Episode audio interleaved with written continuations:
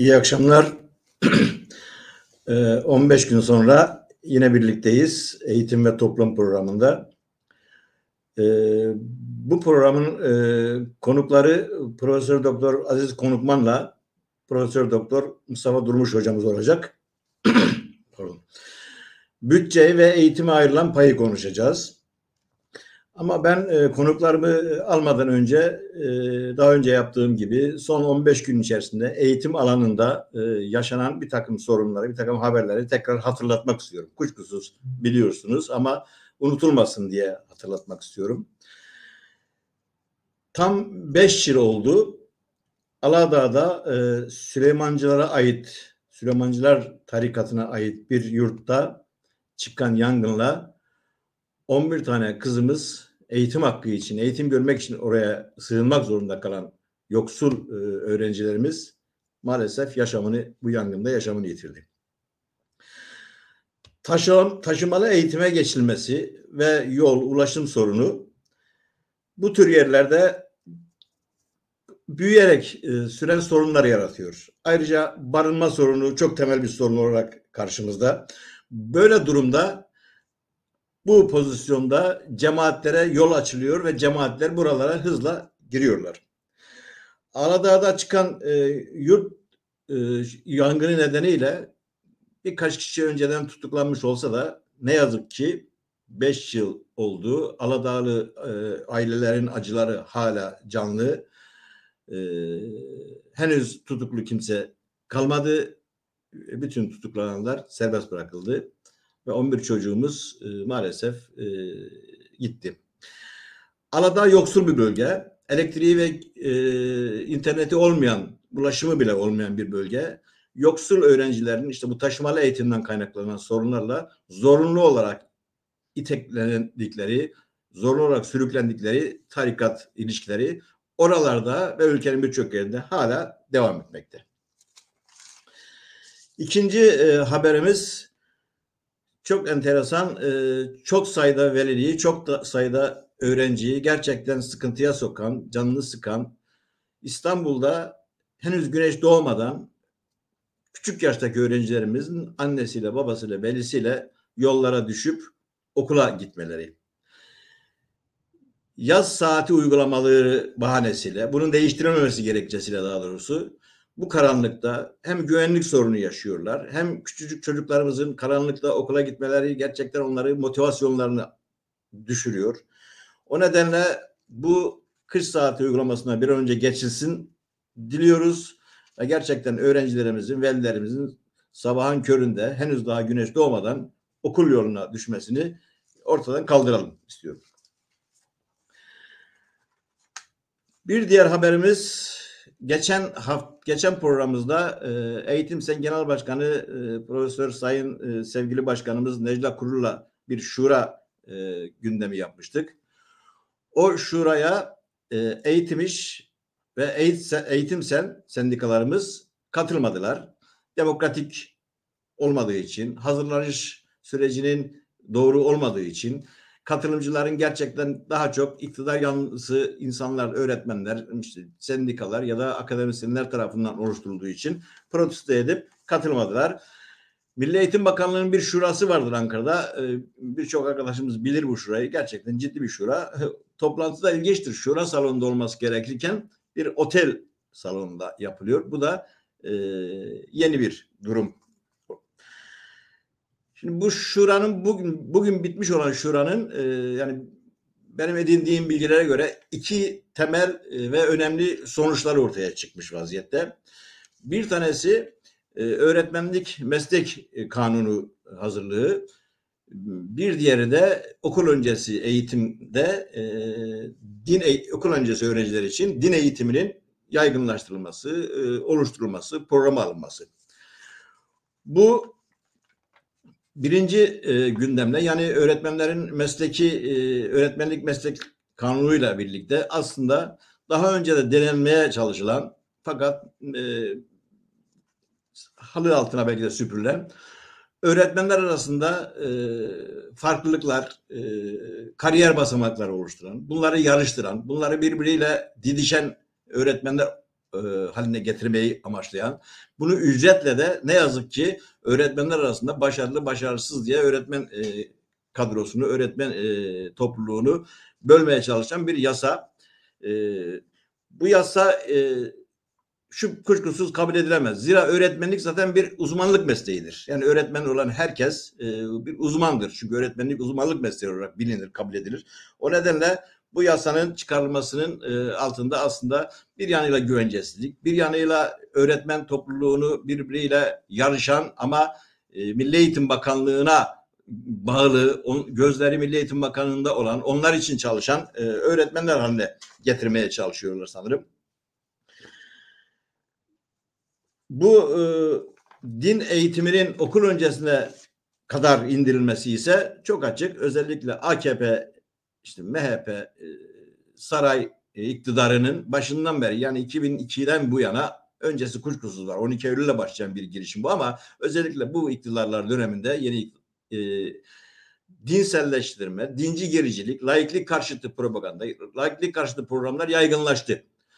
Yani e, özellikle 4 artı 4 denilen e, ucube sistemle birlikte 4 artı 4 artı 4 ile e, diye bilinen ucube sistemle birlikte e, neredeyse bütün okullar imam hatipleştirildi. Yani din eğitimi seçmeli kimilerinde de seçmeli gibi görülse de aslında başka seçenek olmadığı için, başka alanda öğretmen olmadığı için, sınıf açılmadığı için hemen hemen neredeyse herkes bu din eğitimini almaya zorlandı. Yani kabaca artık Türkiye'de okullar genel olarak tamamına yakın diyelim din eğitimi e, yapmaktadır diyebiliriz. Bu yetmemiş demek ki okul öncesindeki çocukların 4 yaşında 5 yaşındaki çocukların din eğitimini alması aslında AKP'nin kendi e, ütopyası olan toplum projesini e, kurmaktaki ısrarının hala devam ettiği anlamına geliyor.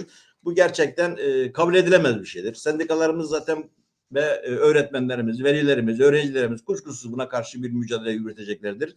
AKP iktidarının bu kriz anında ülkedeki ekonomik, sosyal, siyasal krizin yaşandığı bu dönemde e, ısrarla ve taviz vermeden bunu sürdürdüğü e, dikkate değer bir durum. Bir diğer dikkat edilmesi gereken de bu din eğitimini okul öncesinde e, uygulanması meselesi Memur Sen adlı aslında yandaş e, adına sendika diye bile demeyeceğimiz, diyemeyeceğimiz bir kuruluşun ısrarı ve takipçiliğiyle e, oluşturuldu. Ben e, meslek kanunu konusunda e, yani bu saate kadar bir takım tepkiler, öğretmenlerimizin, sendikalarımızın tepkilerini e, okuduğumda e, bir öğretmen arkadaşımızın e, yazdığı e, değerlendirme yazısını daha doğrusu tutumunu, tavrını e, sizinle paylaşıp bu konuyu geçeyim. Arkadaşımız diyor ki biz kimselerin değil halkımızın öğretmenleriyiz. Yarışmayı, rekabeti değil, birlikte üreten, paylaşan, birbirinin eksiğini tamamlayan dayanışmayı örgütleriz. Bizimle hazırlanmayan meslek kanununu kabul etmiyoruz. Ee, umarım e, kesinlikle buna karşı güçlü bir mücadele sürdürülecektir ve bu e, geri tepecektir diye düşünüyorum. Diğer bir haberimiz bildiğiniz gibi Boğaziçi Üniversitesi'nde e, uzunca bir süre önce bir atama usulüyle rektör ataması yapıldı e, gerçekten o Boğaziçi Üniversitesi'nin neredeyse tamamına yakın öğretim üyeleri, öğrencileri ve çalışanları bu atama rektör uygulamasına karşı sürdürdüler, sürdürdükleri mücadeleleri hala sürdürüyorlar, devam ettiriyorlar. En son yapılan e, eylemde de öğretmen, hocaların, öğretim üyelerinin, çalışanların ve öğrencilerin birlikte yaptığı bu eylemde de gözaltında bulunan e, Berke ve Perit arkadaşlarımızın yani öğrencilerin serbest bırakılmasını e, talep ediyordu. Ve Boğaziçi Üniversitesi'nin öğrencileri, öğretmenleri ve çalışanları bu ısrarlı tutumunu sürdüreceklerini bir kez daha dile getirdiler. Bugün son haberimiz ne yazık ki e, KHK'lı bir öğretmenin intiharıyla ilgili. Biliyorsunuz 15 Temmuz darbe girişiminden sonra FETÖ'cüleri görevden uzaklaştırıyoruz, kamudan uzaklaştırıyoruz, tutukluyoruz, cezalandırıyoruz diyerek aslında hiç alakası olmayan gerçekten ilerici, devrimci, sosyalist, solcu e, bilimden yana e, hocalarımızı, öğretmenlerimizi, kamu çalışanlarını e, görevden aldılar. Yüz binlere varan bir sayı bu. Görevden aldıklarında bu arkadaşlarımızı açlığa e, terk ettiler. Ailelerini açlığa terk ettiler. Öyle ki bu KHK ile uzaklaştırılmış olan e, kamu çalışanları ve öğretmenler bir başka yerde çalışma hakkına da sahip değiller. Bu tam bir zulüm, gerçekten tam bir e, açlığa ve yokluğa mahkum etme hali, bir haksızlık, büyük bir baskı. Buna dayanamayan e, Recep Yaya öğretmenimiz hem de 24 Kasım'ı Öğretmenler Günü olarak kutlayan e, bu iktidarların bugününde ne yazık ki intihar ederek yaşamına son verdi. Ben buradan özellikle KYK'dan hele hele açılan davalardan berat etmiş arkadaşlarımızın onlar başta olmak üzere bütün çalışanların e, göreve iade edilmesini diliyorum, istiyorum. E, ve bu arkadaşlarımızın mutlaka bir gün KHK'ların gideceğini ve onların geri döneceğini e, düşünüyorum ve inanıyorum. Şimdi e, bu akşamki e, gündemli programımızın konuklarımıza e, geçiyoruz. E, başta söylediğim gibi e, konuklarımızın e, biri Profesör Doktor Aziz Konukman hocamız. Hocam hoş geldiniz. Hoş bulduk. Sağ olun İsmet Bey. Diğeri de Profesör Doktor Mustafa Durmuş hocamız. Hocam siz de hoş geldiniz. Çok teşekkür ediyorum İsmet. Bugün, hoş bulduk. E, bugün bütçeyi e, ve bütçenin eğitime ayrılan payını, eğitimle ilişkisini konuşmaya çalışacağız.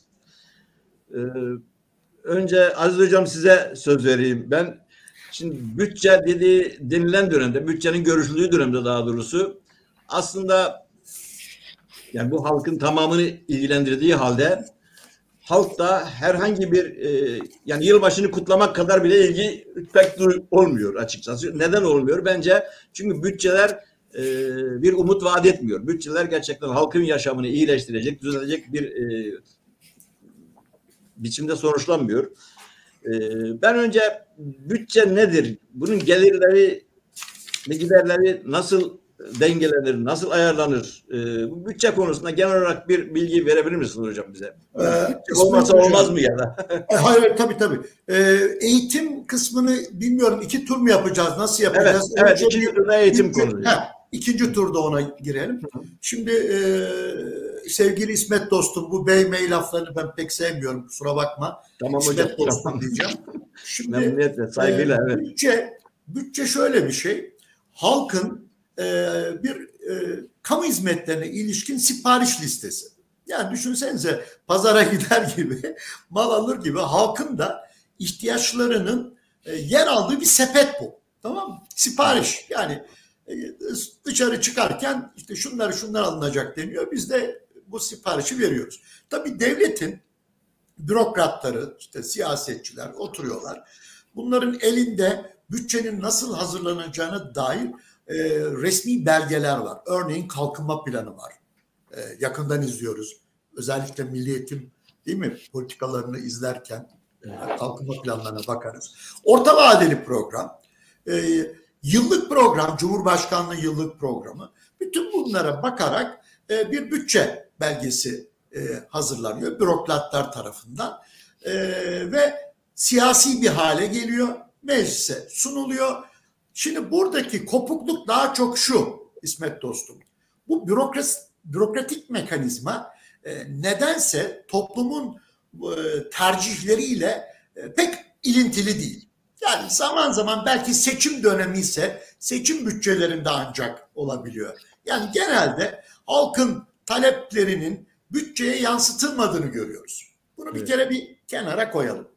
Ee, peki e, bu bütçede e, e, hangi kesimlerin ihtiyaçları daha çok karşılanıyor dersen e, ağırlıklı olarak sermayenin talepleri karşılanıyor. Yani adeta şöyle bir şey sermaye ve rant kesimlerine kamu hizmeti veren bir bütçe haline geliyor. Maalesef kapitalist e, e, sistemin içerisinde e, zamanla bütçe buraya doğru evrildi.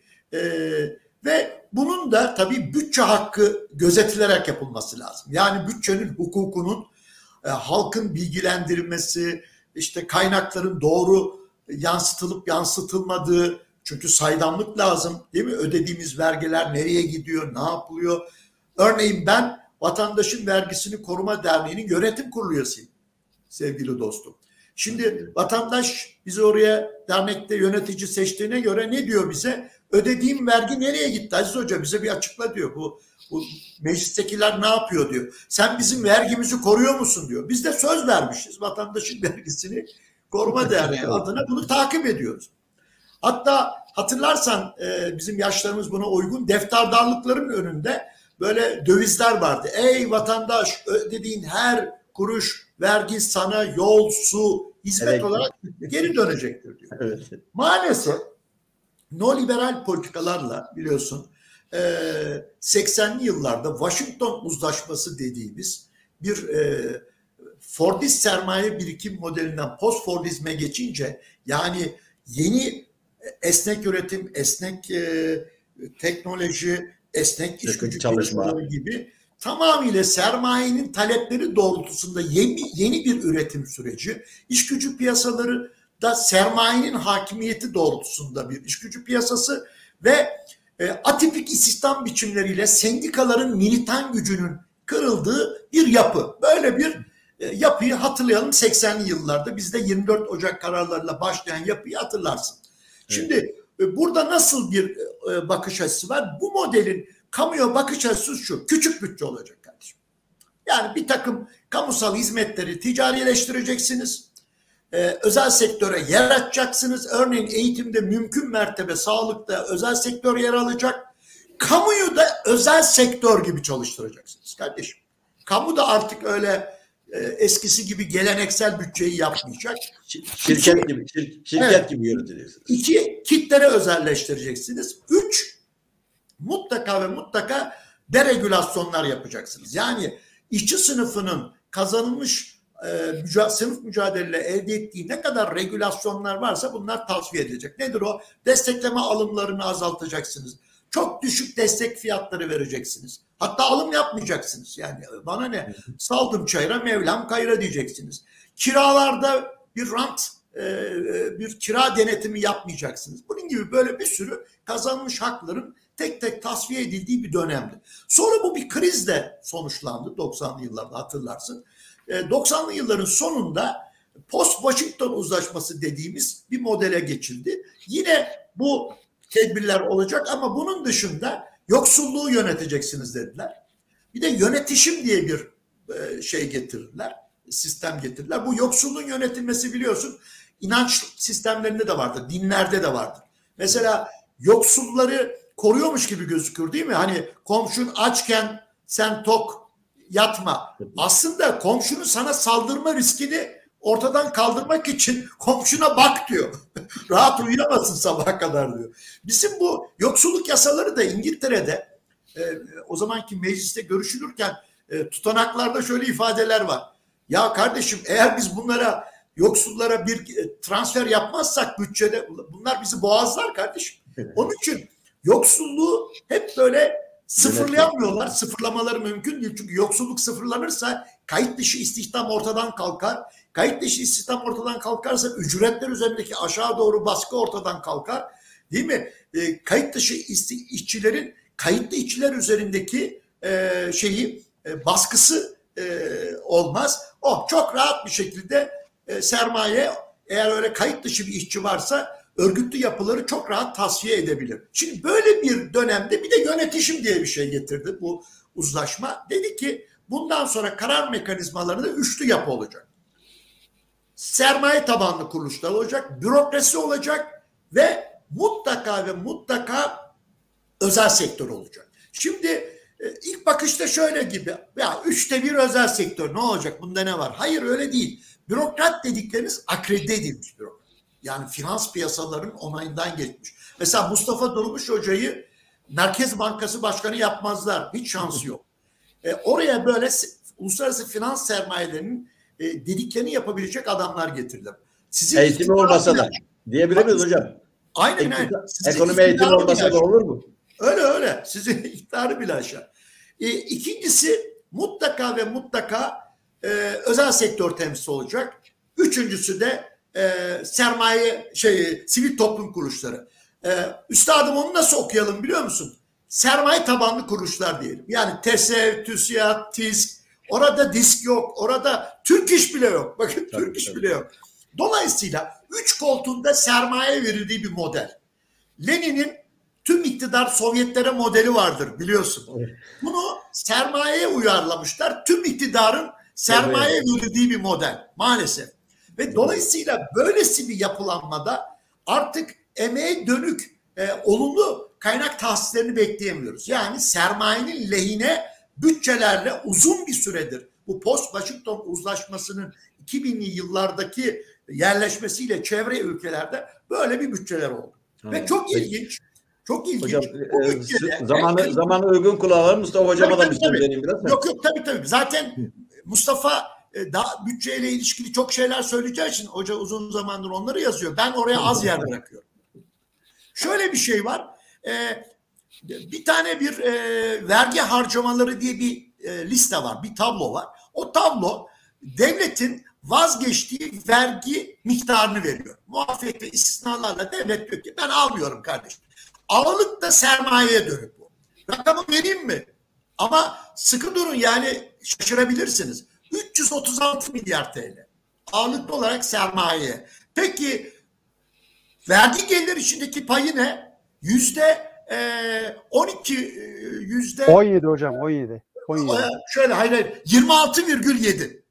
Geçen sene 25'te şimdi 26,7. Dehşet bir rakam ya düşünebiliyor musun? Dörtte birinden fazla sermayeden alınmıyor. Gerekçe ne biliyor musun?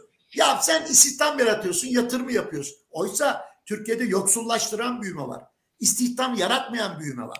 Dolayısıyla bu muafiyeti istisnalar hak etmiyor sermaye kesimi. Hükümet de kıvırttı IMF'ye dedi ki hatta bu e, ekonomi paketinde de vardır. Dediler ki ya biz e, etkin olmayan muafiyeti istisnaları azaltacağız dediler. Tam tersine etkin olmayan muafiyeti istisnalar sermayeye dönükse kesinlikle Tabii. dokunmadılar ve rakamları yükselttiler. Şimdi geçen seneye göre de aşağı yukarı geçen yıl bu bu, bu sefer için öngörülen rakamı da yüzde otuz fazla bu. Yani geçen senenin bütçesinde 2022 yıl için öngörülen muafiyetlerin neredeyse e, yüzde otuz fazlası. E, bunu sakladılar biliyor musun? Yani bütçe e, parlamentoya sunulurken cetveller arasında bu verilmedi.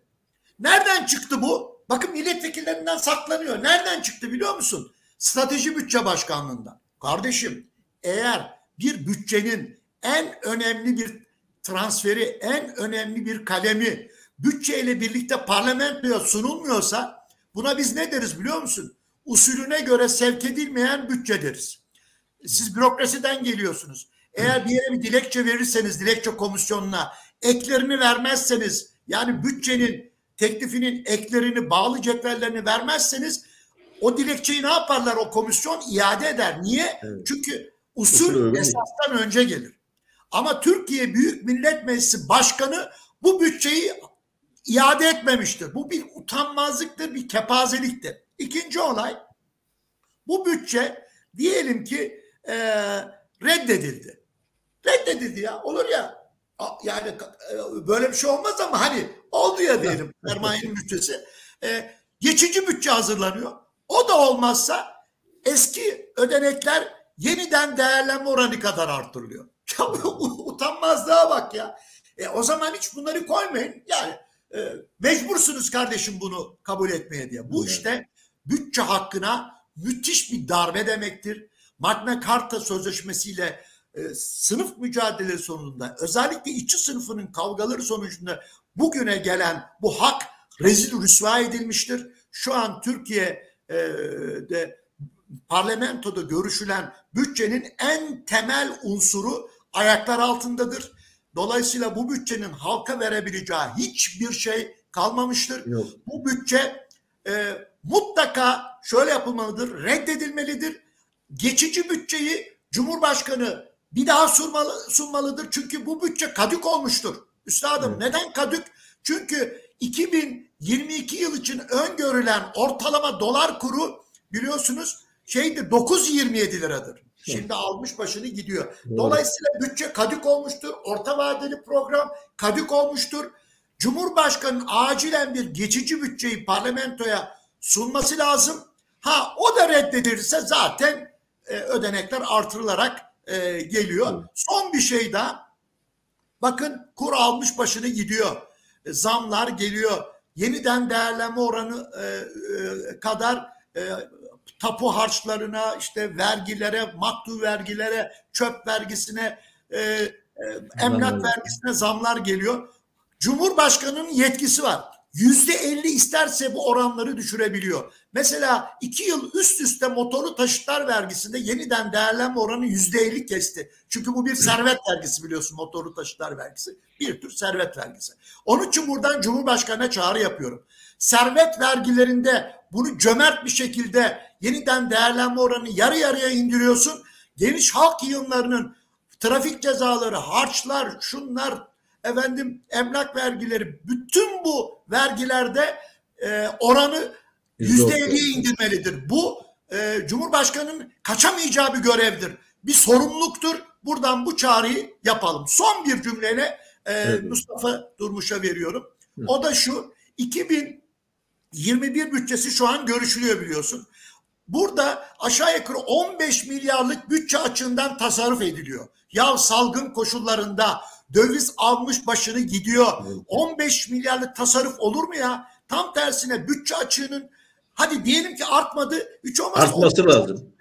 245 milyarlık bir öngörmüş bütçe açığı var. Hiç olmazsa onu hayata geçirin. Yani e, tamam üstüne çıkmayın ama 245 milyarlık bir bütçe açığını kabul edin. Zaten meclisten geçmiş. Şimdi burada şöyle bir hakkı var. Genel bütçe açığı kadar e, devletin borçlanma hakkı var.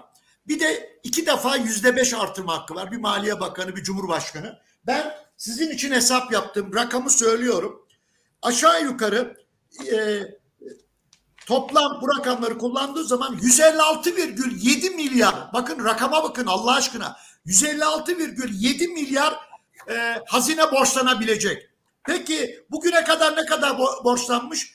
114,8 de Eylül sonunda şimdiki rakamı aldım 110,8 bakın 110,8'in üstüne borçlanma rakamını artırarak 156,7'ye çıkartabilecek. Peki çıkarsa ne olacak? Çok basit emek cephesine emeğin bütün taleplerini karşılayacak kaynak var. Bakın kaynak yok diyenlerin alnını karıştırırız. Kaynak var ama sermaye bütçesi olduğu için ne yaparlar musun?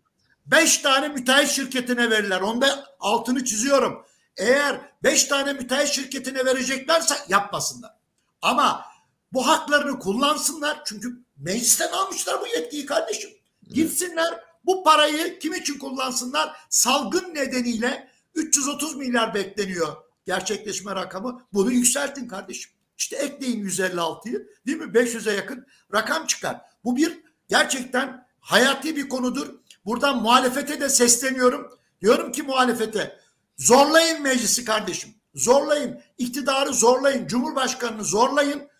Cumhurbaşkanı bu rakamı, bu hazinenin bu borçlandığı tutarı e, salgın bütçesini artırmak için ve yoksulların yoksullaşan kur arttığı için yoksullaşan kesimlere gelir transferi için askeri ücretlere gelir transferi için kullansınlar. Ben bu çağrıyla bitireyim isterseniz. Peki hocam teşekkür ederiz ama yani ben de öyle bu parlamento e, bu sistem öyle bir sistem ki aslında sizin anlattıklarınız bence bir tercih meselesi. Yoksa demek para yok değil de aslında var olan parayı nasıl kullanacağız tercihi çok açık bu iktidarlarda ikt- mevcut iktidarda. Ama ama tarihe de not düşmemiz lazım. Yani Evet. sermaye meclis bunları yapmayacak diye seslendi- seslendirmezsek bu doğru Suçlusun. olmaz. Tabii hocam evet. Ee, Mustafa hocam size de bir soru sorayım. Oradan biraz eğitime doğru geçelim. Şimdi bu çalışanlar hocam anlattı ya çalışanlar yani vergileriyle bütçeye bir katkıda bulunuyor. Yani bütçenin oluşmasında çalışanlardan alınan vergiler var.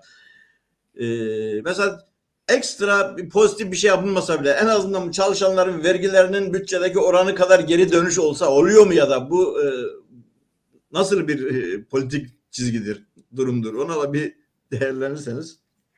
Şimdi e, tabii e, biraz e, bütçeden koptuk. Başka bir yere e, geldi tartışma. Ben önce bütçeye bir geri dönmek istiyorum öncelikli Ha, olarak. tabii. E, sonrasında bu soruyu bir yanıtlamak lazım ama öncelikle herkese iyi akşamlar diliyorum buradan. Bugün biliyorsunuz Dünya Engelliler Günü. Engellilerin yanında olduğumuzu bir kez daha vurgulamak istiyorum. Bunu özellikle de söylüyorum çünkü 2022 yılı bütçesine bakarsanız engellilere bütçeden sadece %1.4 oranında bir pay ayrılmış durumda. Yani 30 milyarın altında bir pay ayrılmış durumda.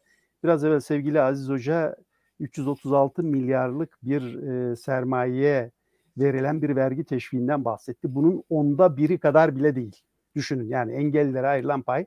Bu da aslında bu bütçeyi ve bu siyasal iktidarın aslında hem sınıfsal tercihlerini hem de duruşunu da net bir şekilde gösteren bir e, bence veridir. Onun bir kere altını çizelim. İkincisi e, hoca tabii ki yıllardır konuşuyor, anlatıyor bu işleri. Ben sadece tamamlayarak devam edeceğim. Bütçeler aslında e, çok önemli belgeler. Niye çok önemli belgeler? Örneğin bütçeniz geçmezse hoca süreci anlattı.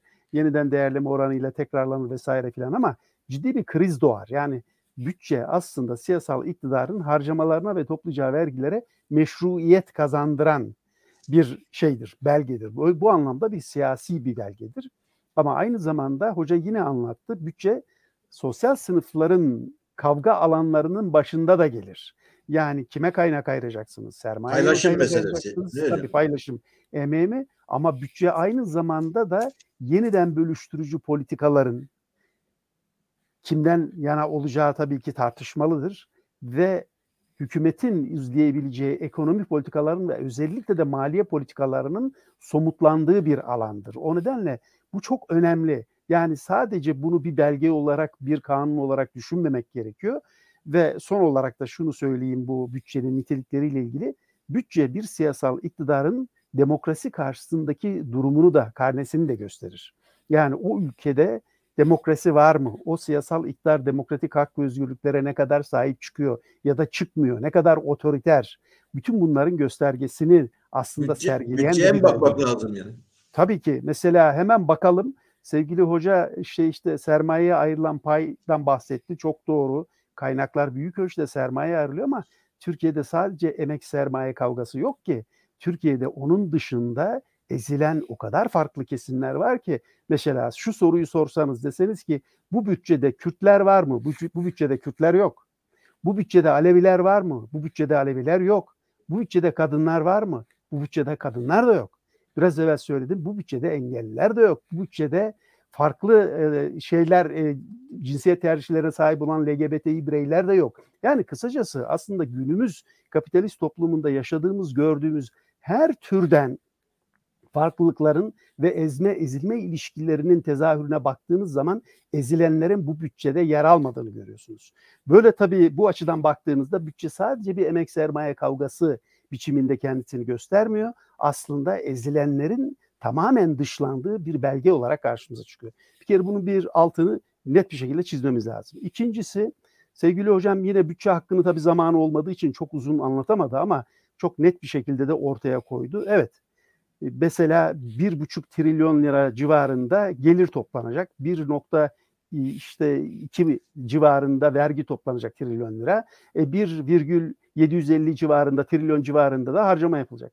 Peki biz bu vergileri ödediğimize göre, vergiler bizden alındığına göre biz bu vergilerin neden ağırlıklı olarak bizden alındığını sorgulamayacak mıyız? Ya da bu vergilerin nerelere harcandığını, doğru işler için mi harcandığını sorgulamayacak mıyız? Yani eğer bizden bu adaletsizce alınan vergilerin yine adaletsizce topluma hiçbir yararı olmayan işler için harcandığını görüyorsak, savaş için, militarizmi yükseltmek için harcandığını görüyorsak, toplumsal barışı kurmaktan ziyade tam onu daha da kötüleştiren bir süreçte ve emekçilerin yaşam koşullarını daha da kötüleştiren işler için harcandığını görüyorsak ya da beş tane müteahhit örneği verildiği için hep söylüyorum ama tabi onların çevresi de çok geniş. Onları zengin ettiğini kullanmak için, etmek için kullanıldığını söylüyorsak burada bizim bunları sorgulama, durdurma, denetleme hakkımız var. İşte bu bütçe hakkı. Ama bütçe hakkı artık zedelenme noktasında değil. Bütçe hakkı tamamen ortadan kalktı.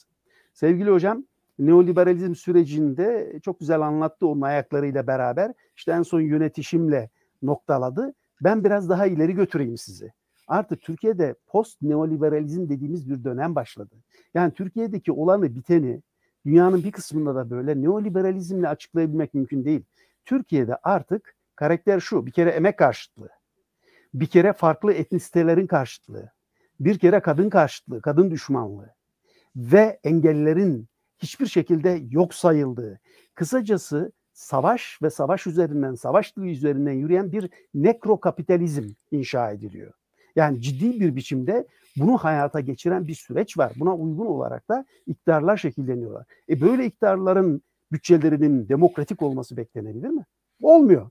Ve burada bütçe hakkı da hiçbir şekilde olmuyor. Daracık bir yerde bu bütçe sarayda hazırlanıyor ve hocanın da söylediği gibi eksik olsa da gönderiliyor. E zaten bunu onaylayacak olan meclisin yapısı da belli. Hiçbir biçimde bunu değiştiremiyorsunuz. Bir tek değişiklik bakın söyleyeyim size bu bütçe plan komisyonu da yaptılar. Bizim bize yansıyan görebildiğimiz kadarıyla tutanaklardan. O da son dakika golü gibiydi. O gol de bize atıldı aslında. Ne yaptılar biliyor musunuz? Bu konaklama vergisi bir yıl ertelendiği için bu turizm sektörüyle ilgili buradan kaybolan bir milyar liralık vergiyi katma değer vergisini yükselterek alma düzenlemesini yaptılar. Yani şey gibi düşünebilir dinleyiciler ya bir milyar oradan kaybediyormuş öbür taraftan da telafi ediyor. Bunda ne mahsur var? Çok büyük mahsur var. Çünkü birini şeyden almıyorsunuz, turizmden almıyorsunuz, diğerini ise halktan alıyorsunuz. Dolayısıyla bakın bu bütçe hakkı böyle bir şey işte 1215 yılındaki Magna Carta aslında Burjuva demokrasilerinin de şekillendiği, filizlendiği bir belge olarak İngiltere'de bütçe hakkının temeli olarak adlandırılır. Ama burada hemen altını çizelim söyleyelim. Bu Magna Carta'nın bilinmeyen bazı noktaları var, yerleri var. Onu da hocanın dediği gibi tarihe not düşelim. Bir kere Magna Carta ilk barış belgesidir. Neden biliyor musunuz? Çünkü o dönemin krallarına sen çok savaş yapıyorsun ve dolayısıyla da dönüp çok vergi alıyorsun ve bizi perişan ediyoruz diyen yerellerin aslında isyanıdır bu. Ve dolayısıyla harcama ve gelir yetkileri süreç içerisinde kısıtlanmıştır. O, o dönemki kralların. Buradan da savaşa karşı bir tutum ortaya çıkmış ve barış varsa daha az vergi ödenir biçiminde ya da biz temsil ediliyorsak vergi ödeyeceğiz biçimindeki o fikriyatın ortaya çıktığını görüyoruz. İkincisi bu müşterekler dediğimiz hepimize ait olan, olması gereken ortaklaşımlarımızın ilk kez belgeye girdiği bir belgedir Magna Carta. Çünkü ormanın bütün köylülere ait olduğunu söylemişlerdir, orman köylülerine. Üçüncüsü ilk feminist belge olarak bilinir. Neden biliyor musunuz? Çünkü o belgeyle beraber özellikle dul kadınların ormandan faydalanma hakları istisnai olarak gündeme getirilmiş. Ve onlar ormandan işte kabuk toplayarak ya da yemiş toplayarak, mantar toplayarak vesaire filan bu şekilde geçimlerini sağlayabilmişlerdir. Bu nedenden dolayı Magna Carta'nın demokrasiyle, barışla vesaire filan çok ciddi bilgisi var. Eğer biz bütçe hakkını savunacaksak, bütçe hakkını sadece bir iktisadi hak olarak değil, aynı zamanda demokrasiyle beraber, barış mücadelesiyle beraber savunmalıyız. O yüzden diyoruz ya hani demokrasi mücadelesi, emek mücadelesi, barış mücadelesi bir bütündür. Asla birbirinden ayrılamaz diye. İşte bu mücadelenin ayaklarından en önemli alanlarından bir tanesi bu bütçe. Şimdi bu bütçenin biraz da büyüklüklerinden bahsedeyim. Sanıyorum şeye geçeceğiz birazdan süratli bir biçimde. Eğitim bütçesine zamanımızda kalmıyor. Hemen birkaç çarpıcı noktadan bahsedeyim. Sevgili hocam yine bahsetti. 278 milyar liralık bir açık bütçe açığı öngörülüyor. Bu milli hasılanın yüzde üç buçuğuna denk düşüyor. Yani önümüzdeki yıl için. Ve iktidar bununla övünüyor. Diyor ki biz bütçe açığını küçük düş tutuyoruz ve e, mali disipline sahip çıkıyoruz. E onlar onu öyle görüyor ama biz bunu şöyle görüyoruz. Siz bize kemer sıktırıyorsunuz. Bütçe açığının özellikle salgın, salgınla ortaya çıkan ekonomik kriz. Bakın Ocak ve Şubat aylarına iyi dikkat edin. Kitlesel iflaslar gelecek. Kitlesel iflaslar. Hiç şüpheniz olmasın. Yani bu orta ve küçük ölçekli firmalardan başlayan bir süreçten bahsediyorum. Ve işten çıkarmalar başlayacak. İnanılmaz bir şekilde işsizlik, bu yükselen enflasyon ve şey görüşmeleriyle beraber, asgari ücret görüşmeleriyle beraber patlamaya başlayacak. Bunun şimdiden altını çizelim. E şimdi siz hala bütçe açığını yüzde üç buçukta tutmaktan bahsediyorsunuz. Dünyanın her yerinde bütçe açıkları patladı, borçlar patladı ama birçok hükümet çoğunlukla kendi halklarına, kendi ekonomisine destek verdi. Esnafına doğrudan gelir desteği yaptı. Bizimkiler ne yaptılar? Desteğin çok büyük kısmını kredi biçiminde verdiler. 528 milyar liralık kredi vermişler, kredi ertelemişler ve bununla da övünüyorlar. Yani kolumuza taktıkları borç kelepçesini aslında iyice de sıkarak bununla da biz halkımızın yanında, ekonominin yanında yüz mesajını vermeye çalışıyorlar. Bir kere bunun altını çizelim. Bütçe böyle bir bütçe emeğin bütçesi olamaz. Halkın bütçesi olamaz. Yoksulun bütçesi olamaz. Küçük ve orta ölçekli üreticilerin de, bütçesi de olamaz. asla ve asla olamaz. Zaten işsizlerden vesaire filan hiç söz etmiyorum bile. E ne kadar para ayırmışlar? 1, mil, 1 trilyon 725 milyon. Peki bunun ne kadarı nereye gidecek? Bakın hemen orada birkaç rakam vereyim size. Çok büyük bir kısmı 657 milyar lirası e, bizim cari transferler dediğimiz transferlere gidiyor. Yani bunun içinde de 290 milyar lirası sosyal güvenlik açıklarının kapatılması ve sosyal güvenlikle ilgili. E şimdi sosyal güvenlikle ilgili yolsuzluk dosyaları patladı değil mi?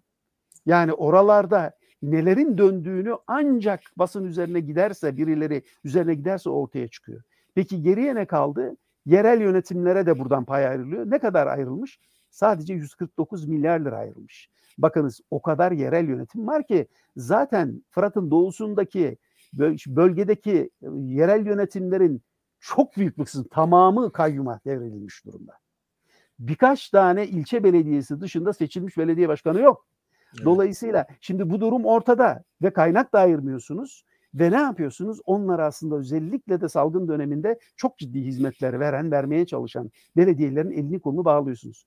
Peki şeye ne kadar ayırıyorsunuz? Köylüye ne kadar ayırıyorsunuz? 26 milyar destekleme olarak. Şimdi 26 milyar liralık bir destekleme söz konusu olabilir mi? Dolayısıyla cari transferler dediğimiz aslında en büyük paket böyle. İkinci büyük paket 504 milyar lirayla personel devlet memurlarına ayrılan para. Yani onların ücretleri, maaşları ve aynı zamanda SGK primleri. Diyeceksiniz ki ne güzel. Bakın istihdam yaratıyor. Bunun içerisinde ücretlerini ödüyor. Gayet güzel. Ama son zamanlarda nasıl istihdam yaratıldığını biz biliyoruz. Üniformalı istihdam dışında istihdam var mı? Yani devlete alınan polisinin, askerinin, jandarmasının, korucusunun, güvenlik görevlisinin dışında doğru dürüst örneğin öğretmen açığı var. Neden öğretmen alınmaz? Sağlıkçı açığı var. Sağlık emekçisi neden alınmaz da ısrarlı bir biçimde e, üniformalı e, istihdama geçilir. Bu da aslında rejimin karakteriyle ilgili çok önemli ipuçları verir. Ve üçüncü kalem, çok uzatmayacağım, faiz. Yani bakarsanız gelmiş geçmiş en dindar siyasal iktidar bu iktidar değil mi? Öyle söylüyor. E, peki güzel de şu anda faizle en çok aslında uğraşıyormuş gibi yapıp ama en çok faizi ödeyen iktidar da bu. Bu sene e, verilecek faizi bir kenara bırakıyorum. Önümüzdeki yıl 240 milyar. Ondan sonrasında da bu 320 milyar liraya kadar faiz ödeyecekler. Dahasını söyleyeyim. Bir yandan faizle uğraşıyormuş gibi yapıyorsunuz. Dünyada faizden vergi almayan neredeyse tek ülkeyiz. Yani bugün 50 milyon liralık mevduattan atıyorum diyelim ki 10 milyon liralık 5 milyon liralık faiz geliriniz olsa bankada eğer bu bir yıldan uzun vadeli olarak tutuluyorsa sıfır vergi veriyorsunuz. Beyanname zaten yok, stopaj yok. E zaten şeyden faizinden ver, vergi alınmıyor. Hazine kağıtlarının faizinden. E borsa gelirlerinden yok. E hani ne oldu? Hani bir yandan haramdı, hani bir yandan yanlıştı. Bütün bunlar ortadayken faizden de vergi almıyorsanız o zaman sizin faizde olan kavganız biraz e, açıklanmaya değer bir kavgadır. E, gelirler kısmına bakın. Hani dedik ya bir de gelirler kısmı var. Gelirler kısmında da ağırlıklı olarak vergiler 1,2 küsür trilyon liralık vergi. E, verginin tamamının neredeyse yüzde yetmişini dolaylı vergiler biçiminde KDV, ÖTV'den alıyorlar. Sadece kurumlar vergisinden 177 küsür milyar liralık bir kurumlar vergisi bekliyorlar. O da salgın nedeniyle yüzde 25'e çıkardıkları için önümüzdeki yılda işte yüzde 23'e indirecekler için. Yani yüzde 20'lerdeydi oradan çıkardıkları için. Yani herhangi bir şekilde vergi yok almadıkları gibi sevgili hocamın da bahsettiği gibi önümüzdeki yıl 336 milyar liralık vergi de hibe edecekler. Bunun sadece 54 milyarı bakın yüzde 16'sı 54 milyarı emekçileri ilgilendiriyor bu teşviğin. Nedir biliyor musunuz o da? AGI, asgari geçim indirimi. 54 milyar lira. Önümüzdeki yıl için ben hesapladım bunu. Ve bu 54 milyar lirayı da zannediyor ki insanlar bütün işçiler kullanıyor. Hayır. Bunun çok büyük bir kısmını da patronlar kendilerinde tutuyorlar. Küçük ve orta ölçekli iş yerlerinde net ücret üzerinden hesaplama yapıldığı için, anlaşma yapıldığı için hiç farkında bile olmuyor bazen işçi. Ve olsa bile patron ona şunu söylüyor. Bu seni ilgilendiren bir şey değil.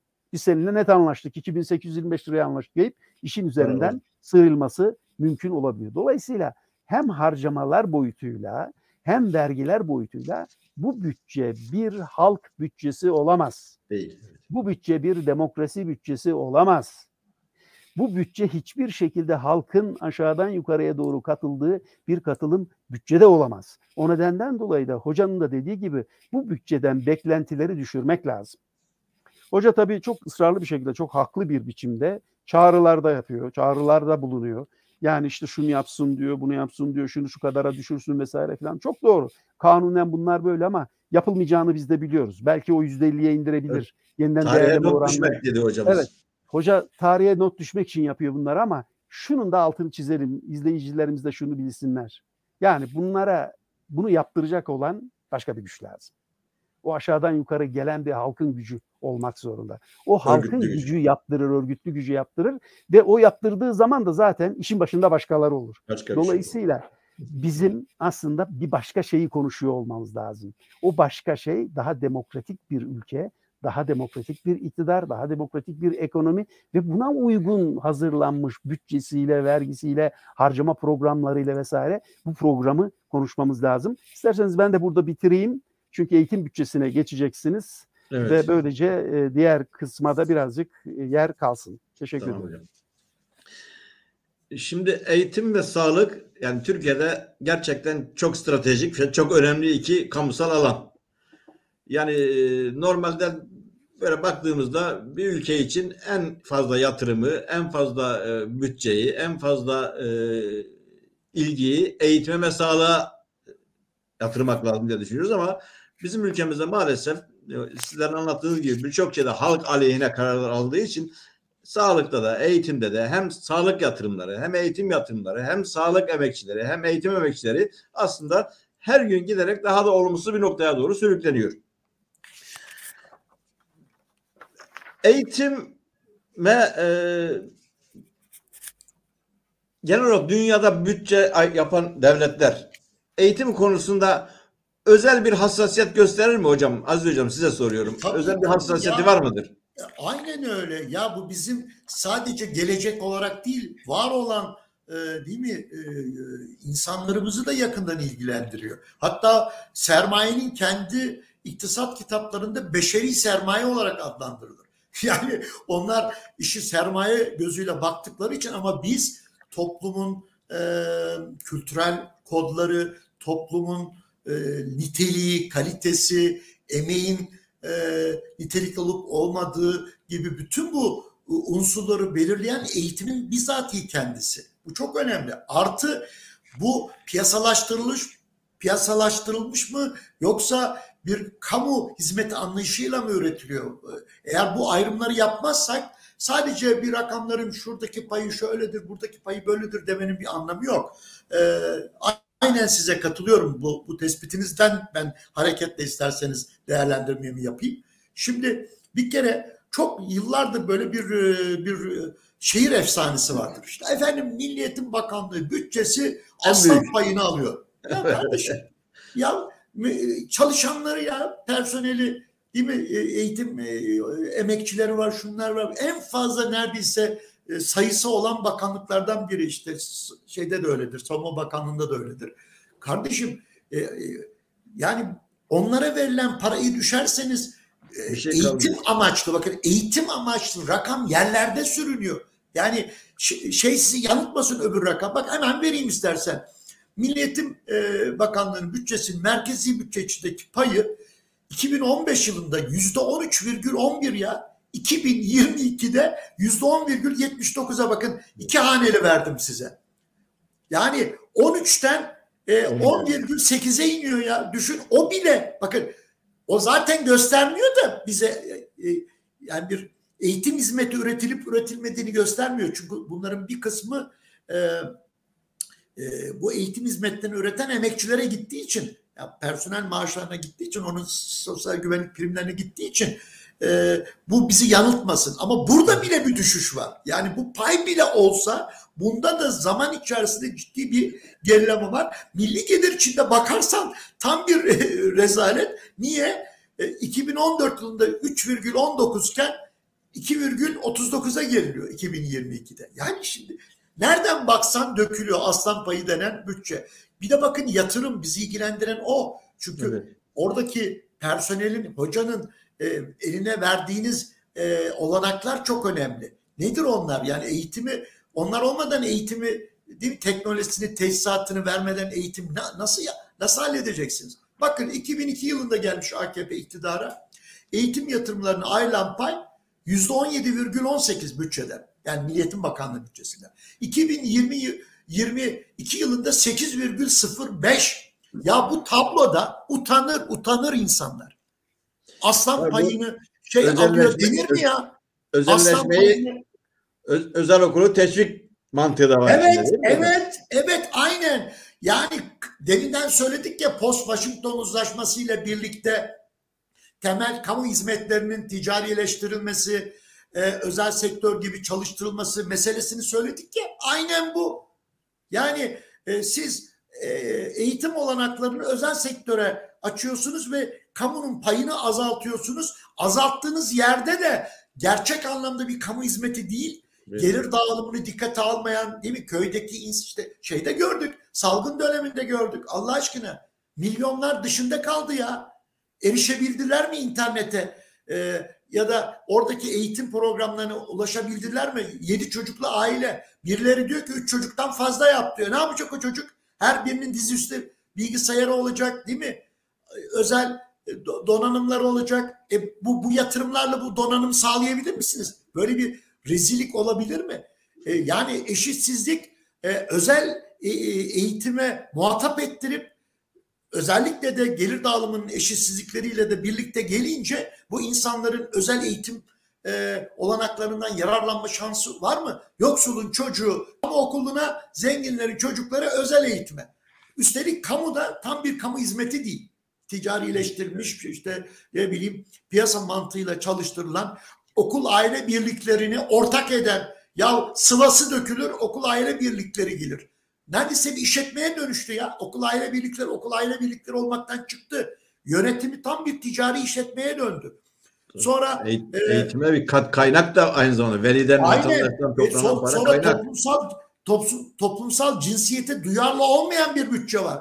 Ben KESK'e ilk verdiğim e, şeyde bir bildiri yayınlamıştım. E, e, Aziz Konukman olarak sağ olsun KESK web sayfasında uzun bir süre onu orada e, bulundurdu galiba 2013 yılıydı. Toplumsal cinsiyete duyarlı bütçe diye bas bas bağırdık. Ses yok ya.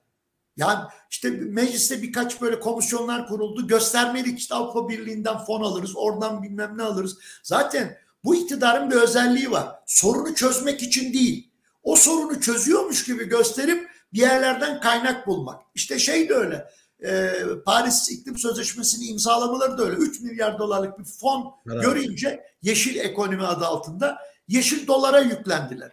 Meseleleri bu. Bakın e, kadın hakları, e, kadın e, şeyi İstanbul Sözleşmesi eğer bir fondan kaynak ayrılarak e, Gelse, şey olsaydı hemen kabul olurdu.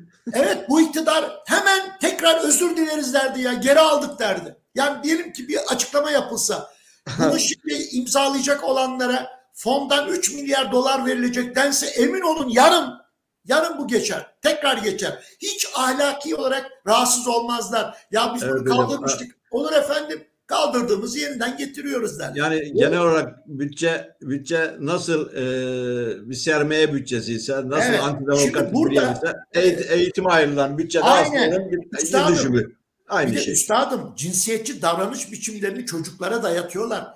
Kitapları biliyorsunuz ders kitapları. Evet evet tabii. Yani Onlar, fıtratında evet. neyse çocuk öyle diyor diyor. Ya ne demek fıtratında ya? O çocukları e, toplumsal rollerine göre yetiştiriyorlar. Böyle bir şey olabilir mi ya? Bu çocukların e, cinsiyetleri e, bir kenara itiliyor. Ama bu tabii e, e, eril bir iktidar anlayışının e, parlamentoda hakim olması. Bakın e, milletvekillerine de bakın lütfen ya. Kadının adı yok. Mecliste kadının adı Evet. yok. Bütçede kadının adı yok.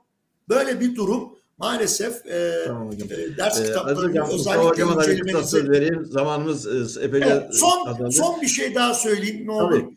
E, TÜGVA var biliyorsunuz TÜGVA. Evet. Paralel devlet oldu Paralel. neredeyse.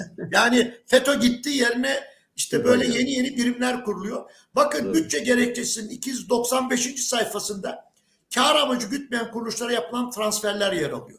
Türkiye Marif Vakfı var, Yunus Emre Vakfı var. TÜGVA yok ya, TÜGVA. Ensar yok ya. Ya meclise sunulan bütçe gerekçesinde kaç kez suç duyurusunda bulundum. Kaç kez e, çağrılar yaptım. Ey meclis başkanı kardeşim TÜGVA ve Ensar'la ilgili eğer bütçe gerekçesinde bilgi yoksa kardeşim usulüne uygun değil de geriye at, geriye iade et ya bu bütçe belgelerini.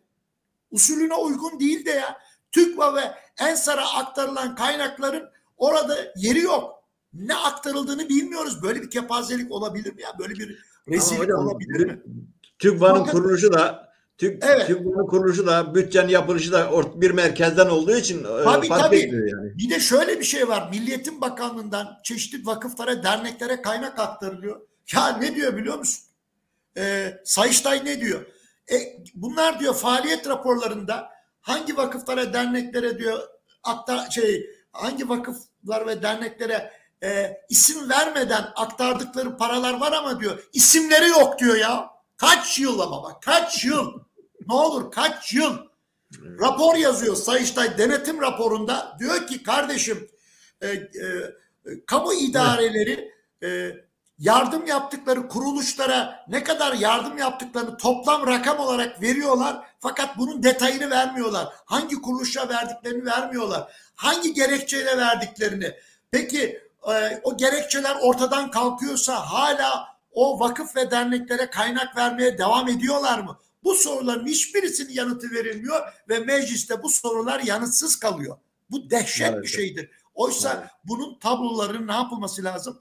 Ee, verilmesi lazım Milliyetin Bakanlığı'nın didik didik bu, bu buralara hangi vakıflara hangi derneklere isim isim ve e, kamu yararı gözetip gözetmediklerinin tekrar denetlenerek çünkü ben, kamu yararı e, diye verirsiniz sonra gider bu başka bir Evet. amaçla çalışır.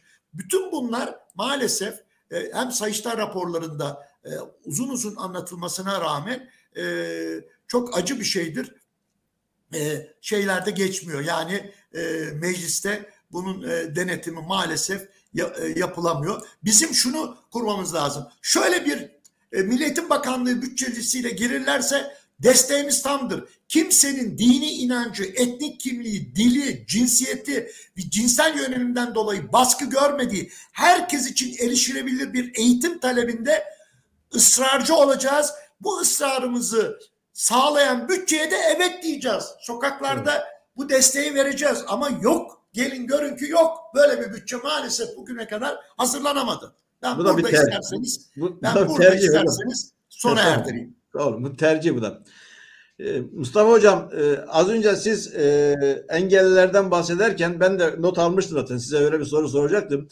Bu dezavantajlı e, topluluklar, gruplar e, var. Yani engelliler, e, kadınlar, e, ulaşamayanlar, e, azınlıklar. E, e, bütçeyle bunlar arasındaki e, var olan bütçeden bahsediyorum. E, ilişki nedir, ne kadardır ya da nasıl olmalı? Süremiz biraz kısaldı kusura bakmayın. Eğitim, Size- eğitim bütçesinden konuşmayacak mıyız? Efendim? Eğitim bütçesinden konuşmayacaktı. Soruyu tam alamadım ben. Ha, eğitim bütçesinden konuşacağız da bu soruyla ben bu bir gireyim. Evet, tamam anladım anladım. Teşekkür ederim. Ya şimdi e, sevgili İsmet ben o dezavantajlı lafını sevmiyorum. Evet, Mesele bir avantaj meselesi değil çünkü. değil.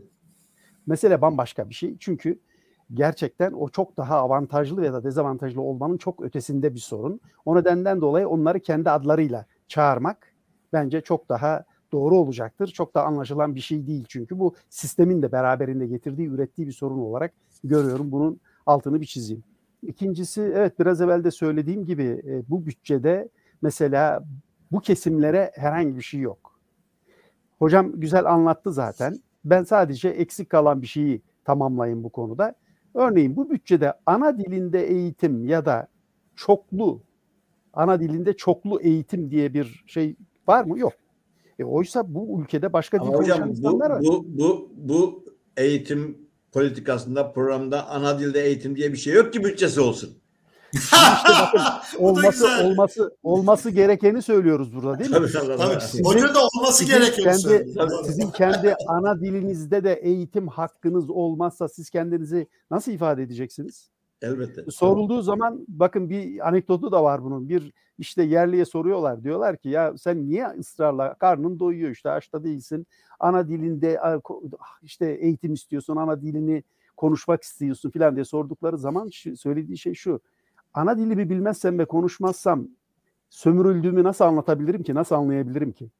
Şimdi bakın bu bana kalırsa oldukça önemli bir tespit. Hocanın söylediklerini tamamlamak açısından söylüyorum ama onun dışında zaten belli bir kayrılan kesim var. Bir de ötekileştirilen kesim var. Bu bütçe ciddi bir şekilde ötekile, öte- ötekileştirme bütçesi. Mesela diyelim ki engellilerin bir kısmına nerede bakıyor bu bütçe? Evde bakıyor. Ne diyor? Siz diyor evde işte evin gelini, evin kızı, evin işte kim varsa o Baksın. engelliye ya da işte çok ağır hastaya kalkamayacak durumda olana o baksın biz de ona 500-600 lira para verelim. E, bir tabii insanımız da haklı olarak çok yoksul durumda olduğu için de başka bir alternatif de olmadığı için de bunu kendilerine verilmiş çok önemli bir lütuf gibi sayıyor. Aslında bu kimin de aynı zamanda mahkumiyeti demek? O evde o, o hastaya bakan kadının da mahkumiyeti demek. Dışarı çıkamıyor. Onunla beraber artık o orada kalmış durumda. Oysa Evet. bu bütçeden bu insanlarımız için gerçekten evin dışında bakım evleri ve sağlıklı bu şekilde götürülebilecek merkezler söz konusu olsaydı böyle bir sorun yaşanabilir miydi? Yaşanmazdı. Dolayısıyla bu bütçenin zaten böyle bir şey olmasını beklemiyoruz ama eğitim kısmına gelince hızlıca onda da Evet. birkaç şey söylemek isterim. Hocam çok güzel anlattı zaten. Kendisi bir hafiye gibidir bütçe konusunda çok açık söyleyelim. Hiçbir şeyi kaçırmaz. Yani e, o yanı inanılmazdır. Mesela ben de çok şey öğrenirim onun hafiyeliğinden ve gerçekten de takip eder ve çok da güzel anlatır. Ben biraz sayılardan bahsedeyim. Biraz da niteliğinden bahsedeyim eğitim Evet. bütçesinin izniniz olursa. Şimdi eğitim alanı biliyorsunuz Covid-19'dan sonra Covid-19'la beraber sağlık alanı kadar hatta ondan çok daha olumsuz etkilenen bir alan oldu. Dünyanın her yerinde böyle aslında sadece Türkiye'de değil. Ama Türkiye'de yaşandığı itibariyle gördüklerimiz kadarıyla verilen ya da verilmeyen destekleri dikkate aldığımızda en büyük tahribatın bu alanda yapıldığını biliyoruz. İşte kendi öğrencilerimiz de var. İlkokul öğrencileri, ortaokul öğrencileri var. Yani onların çok eşitsiz koşullarda uzaktan eğitime katılmaya çalıştıklarını ve çok büyük bir kayba uğradıklarını çok iyi biliyoruz. Peki bu bütçede Covid-19 görülüyor mu? Hayır görülmüyor. Bu bütçede Covid-19'un etkileri görülüyor mu? Hayır görülmüyor. Hoca çok güzel bir örnek verdi. Ben birazcık daha büyüteyim şeyi, tabloyu. Tüm eğitime ayrılan kaynaklar yani hem Milli Eğitim Bakanlığı hem üniversiteler hem YÖK hem işte bütün kamu üniversite eğitimle ilgili olanlara ayrılan kaynaklardaki gelişmeyi size ben söyleyeyim. 2022 yılı itibariyle 274 milyar liralık küsürde var. Bir kaynak ayırmış. Diyorsunuz ki o çok büyük bir pay bu. Böldüğünüz zaman gayri safi şeye bütçeye yüzde 15 küsür falan çıkıyor. Bunun yüzde 11'e yakını hoca verdi. Milli Eğitim Bakanlığı'nın geri kalan kısmı da işte üniversiteler vesaire filan diğerlerinin olması kaydıyla. Fakat bakın 2016'dan bu yana nasıl gelişmiş? Hemen rakamı söyleyeyim size. 2016'da bütün eğitime ayrılan pay yüzde 16.90 pardon yüzde 19.24. Yüzde 19.24. Sonra 2017'de yüzde 17.66'ya gerilemiş. 16.82'ye gerilemiş ve önümüzdeki yıl 15.75'e kadar gerilemiş. O halde demek ki birinci sorgulamamız gereken şey şu. Aslında nominal olarak çok fazla para ayırdığınızı söylüyorsunuz ama zaten şey belli ortada enflasyon ortada. Paylar olarak baktığınız zaman oran olarak baktığınızda aslında Geçmişe eğitime göre daha düşük. ciddi bir şekilde 3 puan, 3,5 puan, puan birden düştüğünü çok net bir şekilde burada ne yapabiliyoruz görebiliyoruz. Bu payın sadece yüzde 21'i bakın dikkat edin sadece yüzde 21'i kaç tane üniversiteye? 129 tane kamu üniversitesine ayrılıyor. Peki Diyanet İşleri Başkanlığı'na ayrılan pay ne? 16 milyar. Yani Diyanet İşleri Başkanlığı'na ayrılan paya bakın 16 milyar 129 tane üniversite artı yok artı bilmem ne vesaire filan ona ayrılan pay 57 milyar lira. Şimdi gerçekten burada çok büyük bir garabet olduğu ve bu da aslında rejimin karakterinin ne olduğunu çok net bir şekilde ortaya koyan bir faktör olarak karşımızda duruyor. E tabii ki dahası da var bunun. E, Türkiye'deki eğitim alanı, bazıları eğitim sektörü diyor. Ben alan lafını kullanmayı daha çok seviyorum. Eğitim alanı öyle küçük bir alan falan değil. Bakın 71 binden fazla okul var bu ülkede. 129 tane üniversite var. Toplam 208 vakıf üniversitesiyle beraber üniversite var. Ve bütün bunların toplam 25 milyondan fazla 25.4 milyon öğrencisi var. Hatta hesaplamalara göre Türkiye'de öğrenci sayısı açısından Avrupa'nın en fazla ikinci öğrenci sayısına sahip ülke. Şimdi bu kadar çok öğrenciniz olacak. Bu kadar büyük bir alanı kapsayacak. Fakat siz buraya ayırdığınız miktarı gerçekten çok cimri bir şekilde tutacaksınız. E bunu neyle kıyaslayın? Bunu bir başka şeyle kıyaslayın. Örneğin iç ve dış güvenlik için ayrılan pay ne kadar diye sorduğunuz zaman iç ve güç dış güvenlik için ayrılan payla başa baş nerede? Neredeyse gittiğini görüyorsunuz. Yani bu da bir başka gerçeklik. Yani 272 milyar lira, 274 milyar lira. Şimdi düşünün. Ve buna şey de dahil değil. Özel sektördeki bu savaş sanayi vesaire İHA'lar, SİHA'lar bunların üretimleri bunların bir kısmı da kamuya ait olduğu için 350 milyar lirayı buluyor. Şimdi bu da bir tercih. Bu da bir sınıfsal ve siyasal tercih evet, aslında. Tabii. Dolayısıyla buradan herhangi bir biçimde bir şey çıkmaz. Bakın 2022 yılı bütçesini çok kısaca özetleyelim. Bunun için de rejiden ben rica edeceğim. 5 numaralı bir şeyimiz var. E, grafiğimiz var. Onu verebilirlerse hem izleyicilerimiz de bunu görebilmiş olur. Onun üzerinden e, sanıyorum geldi. Evet. Ben de buradan kendim okuyabildiğim kadarıyla şöyle bir değerlendirmeye çalışayım. Evet, Milli Eğitim Bakanlığı'nın bütçesinden bahsediyoruz arkadaşlar. 189 milyar 10 milyon 851 bin TL 2022 yılı için. Fakat bunun hoca da söyledi çok büyük bir kısmı yüzde 81'i personel için. Yani yüzde 70'i doğrudan personel maaşı, yüzde 11'i de e, personelin SGK'sı vesaire. Peki cari transferler ne kadar? Bakıyorsunuz mal ve hizmet giderleri yüzde 8'ini oluşturuyor. Yatırım giderleri ne kadar? Yüzde 8. Bunlar devletin resmi şeylerinde var, e, kayıtlarında var. Orada çok rahat bir şekilde bulabilirsiniz. O yatırım gideri olarak ayrılan yüzde sekizin de birçoğunun yenileme yatırımı olduğunu biliyoruz. Yeni yatırımdan daha ziyade yenileme yatırımı olduğunu görüyoruz. Şimdi bir sonraki slide yani altıncı sayfaya baktığımız zaman orada da bir başka şey var. O da program bazlı sınıflandırması var 2022 yılının. Bakın engelliler için ayrılan pay. İşte hani bütçede engellilere pay var mı yok mu diye bir sorunuz vardı ya.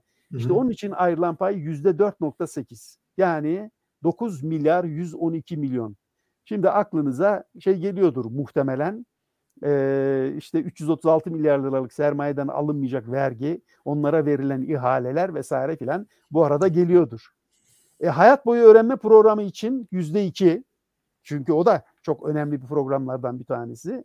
Ve bakıyorsunuz bunun dışında aslında program bazlı göstergede de çok fazla bir şeyi rastlayamıyorsunuz. Yani sonuç itibariyle sizin de dediğiniz gibi aslında bütçenin geneli nasıl antidemokratikse, emekten yana değilse, farklı kimliklerin korunmasından ve ezilenden yana değilse e, eğitim bütçesi de bunu çok net bir şekilde bana kalırsa yansıtıyor.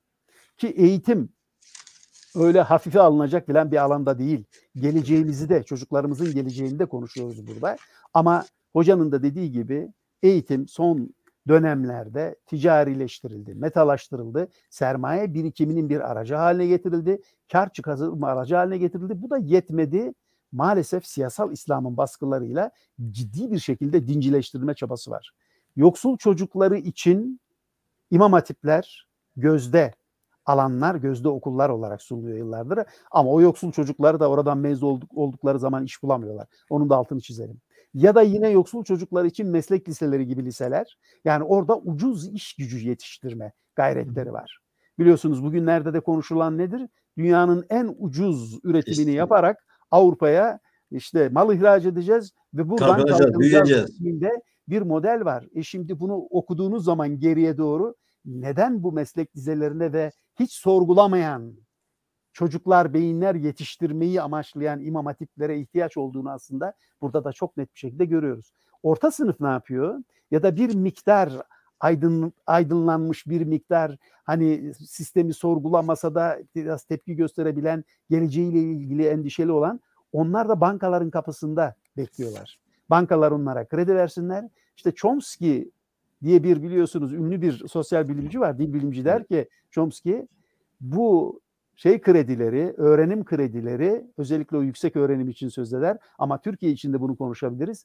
Orta sınıfı teslim almanın en güzel yollarından bir tanesidir. Evet, orta sınıf böyle teslim alıyor. Kredilerle teslim alınıyor. Alt sınıflarda biraz evvel sözünü ettiğimiz gibi işsizlik tehdidiyle, siyasal İslam dayatmalarıyla vesaire filan tehdit bunlarla ne yapılıyor? Teslim alınıyor. E bunu nasıl aşmak lazım?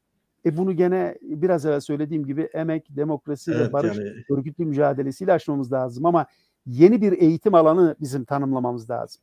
Yani eğitim sadece bir kamusal hizmet değil. Bakın biraz evvel de söylediğim bir cümle geçirmiştim demiştim ki müşterektir. Eğitim aynı zamanda bizim müştereğimiz.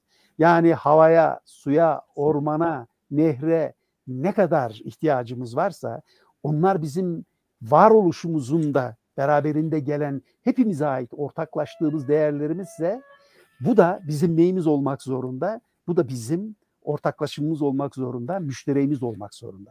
Dolayısıyla eğitimi böyle kurgulayıp bundan sonra buna uygun eğitim politikalarının ya da eğitim stratejilerinin geliştirilmesi gerekiyor. Peki hocam teşekkür ederim. Ee, Aziz hocam size bir son soruyu sorup kapatmak istiyorum. Aa, İsmet Hocam bir ufak da açıklama yapacağım. Sorunuzu Tamam. bekliyorum. Buyurun.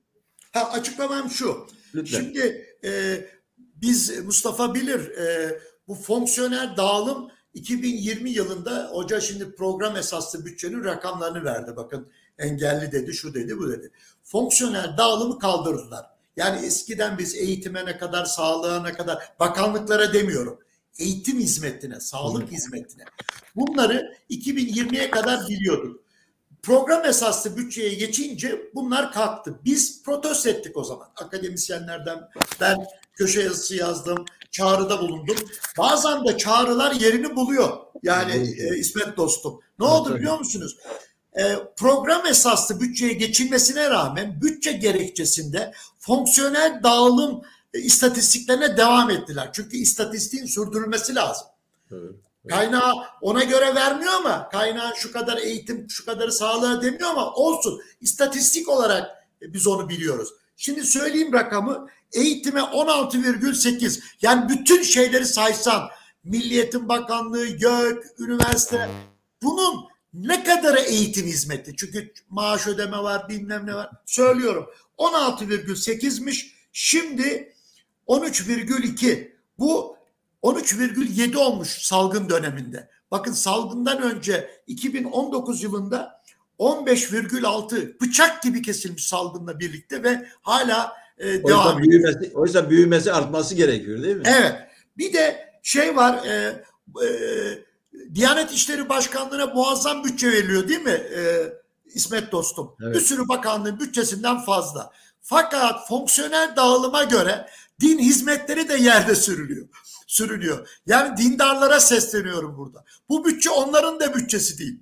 Bak rakam vereyim. Sıkı dur ya. Hocam vahimdir yani. Vallahi vahimdir. Sırf din de değil. Adı ne biliyor musun? Din, e, e, pardon dinlenme, kültür ve din hizmetleri. Üçünün toplamı. Sadece din değil. Bir daha söylüyorum. Dinlenme, kültür ve din hizmetleri. 2017'de payı 2'ymiş. 2022'de bu bütçe teklifinde 1,3. 1,3. Bunun çok azı şey e, din hizmetleri. Yani Kültür. koca bir bak, e, bakanlık gibi e, şey yapmışın teşkilat var din hizmeti vermiyor ya. Böyle bir kepazelik olabilir mi? Onlar Bunu devletin kendi bütçe gerekçesi söylüyor. Ben demiyorum. İkinci bir şey çok hoşuma gidiyor. Diyor ki İskan ve toplum refah hizmetleri. Yani toplumun refah ile ilgili bu bütçenin verdiği hizmetler. Payını vereyim üzüleceksin. Ne biliyor musun? Ee, hemen e, söylüyorum. Yüzde bir virgül üçmüş 2017 yılında yüzde bir virgül üçmüş. Şimdi olmuş 0,6 binde altı. Yani iskan ve toplumsal refah bak toplumsal refah hizmetleri binde altı.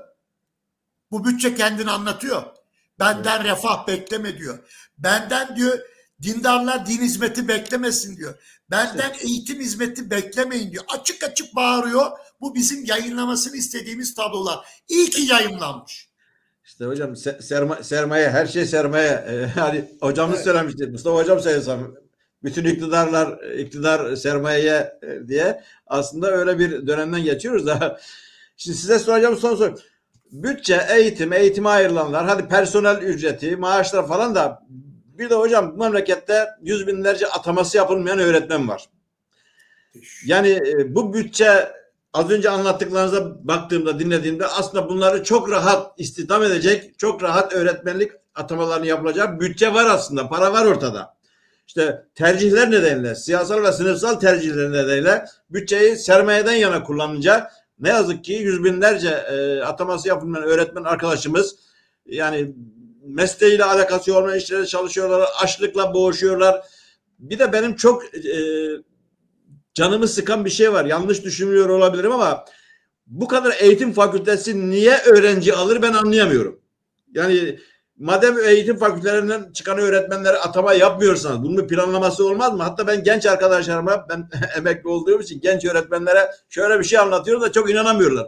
Ben diyorum öğretmen okulunda Haziran ayında mezun oldum. Hiç müracaat bile etmedim. Temmuz ayında atamam oldu ve bütün öğretmenlerin, Türkiye'deki bütün öğretmen okulu mezunlarının ataması yapıldı.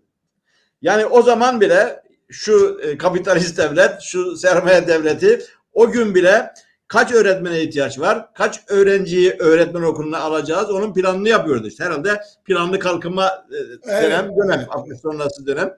Bugün böyle bir ve- vehamet yaşanıyor. Yani ne dersiniz bu ataması yapılmayan öğretmenler hakikaten kolaylıkla ataması yapılamaz mı? Evet İsmet hocam diyeyim şimdi dostum diyordum ama e, bu bilgiden sonra belki dinleyenler bilmez de İsmet hocam demedim. Şimdi sevgili hocam bak bu dediğin olay e, plan bütçe ilişkisiyle kurulan bir şey. Bakın bütçenin görüşüldüğü komisyonun adını biliyor musun? Plan ve bütçe Plan ve- komisyonu. Plan ve bütçe değil mi? Evet plan yok ki bütçesi olsun. Senin dediğin bütün sorunların kaynağı orası. Eskiden iyi kötü kim nereye istihdam edilecek sektörler bazında biliyorduk. Şimdi o da yayınlanmıyor.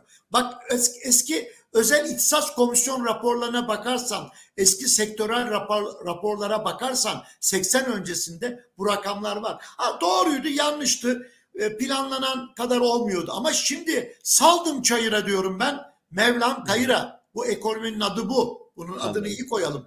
Yani bu, bu ismi söylemezsek bu, bu- dini bütün insanlar e, bu bütçenin deminden söyledim din hizmetlerine verdiği kaynağı söyledim. Bunu ben söylemiyorum. Fonksiyonel dağılımdaki tablo söylüyor. Devletin kendi resmi istatistikleri söylüyor. Şimdi bir tane daha şeyden bahsedelim. 280 bin üniversite mezunu şu an hocam haciz. Haciz, haciz. Ve sen TÜGVA'ya, ENSAR'a kaynak aktarıyorsun ya. Onları kes. Bak onları kes. Bu 280 bin e, üniversite mezununun e, hacizlerini kaldır. Borçlarını sil.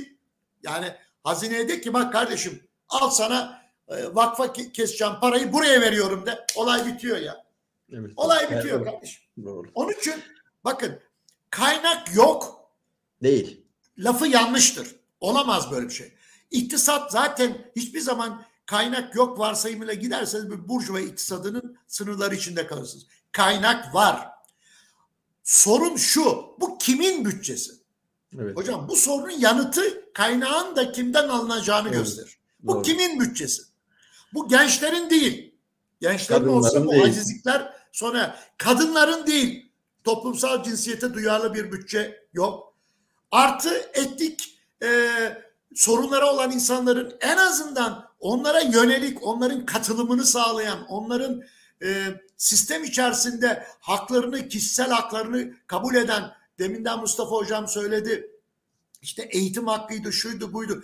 Bunları tanımayan dolayısıyla bu bütçenin kimlere ait olduğu, e, hangi kimlik üzerine oturduğu, hangi cinsiyet üzerine oturduğu e, bütün cevapları var.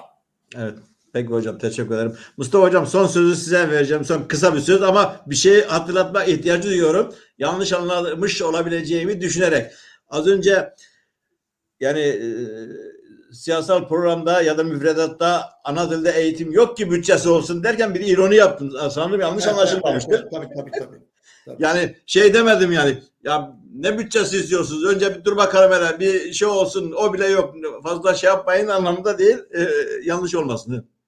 Ee, özür dilerim bir de e, Mustafa'cığım e, koruyucu sağlık hizmetlerine Mustafa'nın o programlar itibariyle dağılımını verdi ya Mustafa onu unuttu orada. Koruyucu sağlık hizmetlerine ayrılan pay yüzde iki. Utanç belgesidir bu. Evet, Utanç. evet. Şeyde 98'dir Küba'da. Bakın yüzde 98'dir. Tedavi edici hizmetler yerlerde sürünür. Hastane açanı yargılarlar. Bakın bir daha söylüyorum. Hastane açan bakan yargılanır. Yargılanmış mı? Yok. Çünkü hiç öyle bir kaynak tahsisi yapılmamış. Evet buyurun Mustafa hocam. Sesiniz yok. Ses. Tamam. Şimdi nasıl? Geliyor galiba. Tamam gel evet. Ee, yani son derece demokratik bir talep. Ana dilinde çok dilli Evet, eğitim. tabii Son canım. derece demokratik bir talep ve bunların artık Türkiye'de aşılıyor olması gerekiyor ve demokratik bir bütçe yapıldığı zaman da bu talebin inkar edilmesi mümkün değil. İkincisi hani Diyanet İşleri Başkanlığı'nı konuşurken tabii şunun da altını çizmemiz gerekiyor. Bu da bir gerçeklik. Yani bu başkanlık bir mezhebe dönük bir başkanlık. Yani mesela orada Aleviler yok ya da Evet. başka kesimler yok. Dolayısıyla burada da bir ciddi sorunumuz olduğunu düşünüyorum. Yani sadece hocanın söylediği gibi e, inanmış müminlerin e, hizmetinde olmayan biçiminde hani yeterince olmayan biçimde tanımladı ama diğerlerine zaten hiçbir şey söz konusu değil. Onları e, da altını çizmek lazım. Şimdi ataması yapılmayan öğretmenler gerçeğine gelince e, tabii ki çok ciddi bir sorun olduğunu bunun biliyoruz. E, bunun e, işin başında tabii ki eğitimciler olarak sizler e, İsmet Hocam daha iyi bilirsiniz ama yani e, demokratik bir plan çerçevesinde eğitim planlanmadığı için ve bütçede ilişkisi kurulmadığı için yıllardır bu gerçeklik ortaya çıkıyor ama bir başka e, nedeni daha var. Yani o da ucuz öğretmen emeği. Çünkü ucuz öğretmen emeği bugün eğitimdeki özelleştirmenin en önemli ayaklarından bir tanesi. Kaynak, Dershaneleri onlar için kaynak.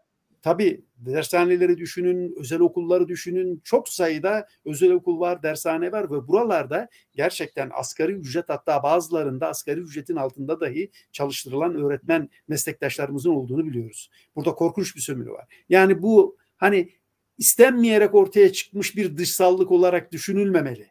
Elbette. Tam tersine Bu istenerek, planlı yapılmış bir şey. tercih tabii elbette. Tabii ki tercih. O nedenden dolayı da bunun ciddi bir biçimde altını çizmemiz lazım.